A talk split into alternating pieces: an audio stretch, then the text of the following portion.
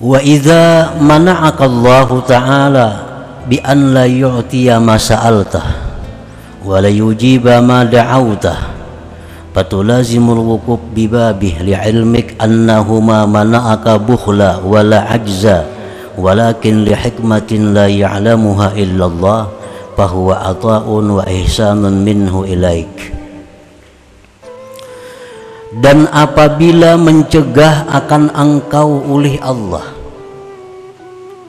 pengertian Allah mencegah itu Allah kada memberi apa yang kita minta. Allah kadang mengabulkan doa kita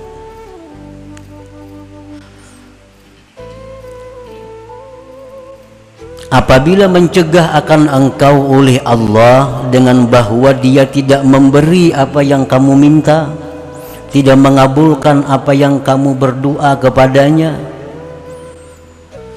dan engkau tetap berdoa kepadanya engkau tetap minta kepadanya karena engkau tahu bahwa Allah itu tidak mencegah kepada engkau karena Allah kikir bukan karena engkau tahu bahwa Allah itu mencegah itu karena lemah bukan? Tetapi Allah itu mencegah karena ada rahasia yang tidak tahu kecuali Allah. Nah maka pencegahan Allah itu adalah sebenarnya pemberian dan kebaikan dari Allah kepada engkau.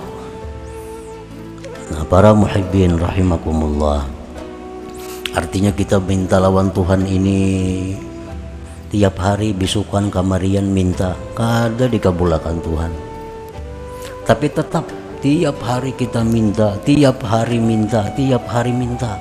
Karena kita yakin bahwa Allah itu kadang mengabulkan bukan karena kikir. Kita yakin Allah itu kadang mengabulkan bukan karena Allah kadang mampu mengabulkan kada kita yakin bahwa Allah itu kadang mengabulkan saat ini karena ada hikmah karena ada rahasia yang diketahui Allah. Kalau kita setiap hari berdoa kepada Allah walaupun kadang kabul doanya. Nah pencegahan dari Allah itu sebenarnya adalah pemberian yang besar oleh Allah Subhanahu wa taala kepada kita. Itu ihsan ihsan Allah kepada kita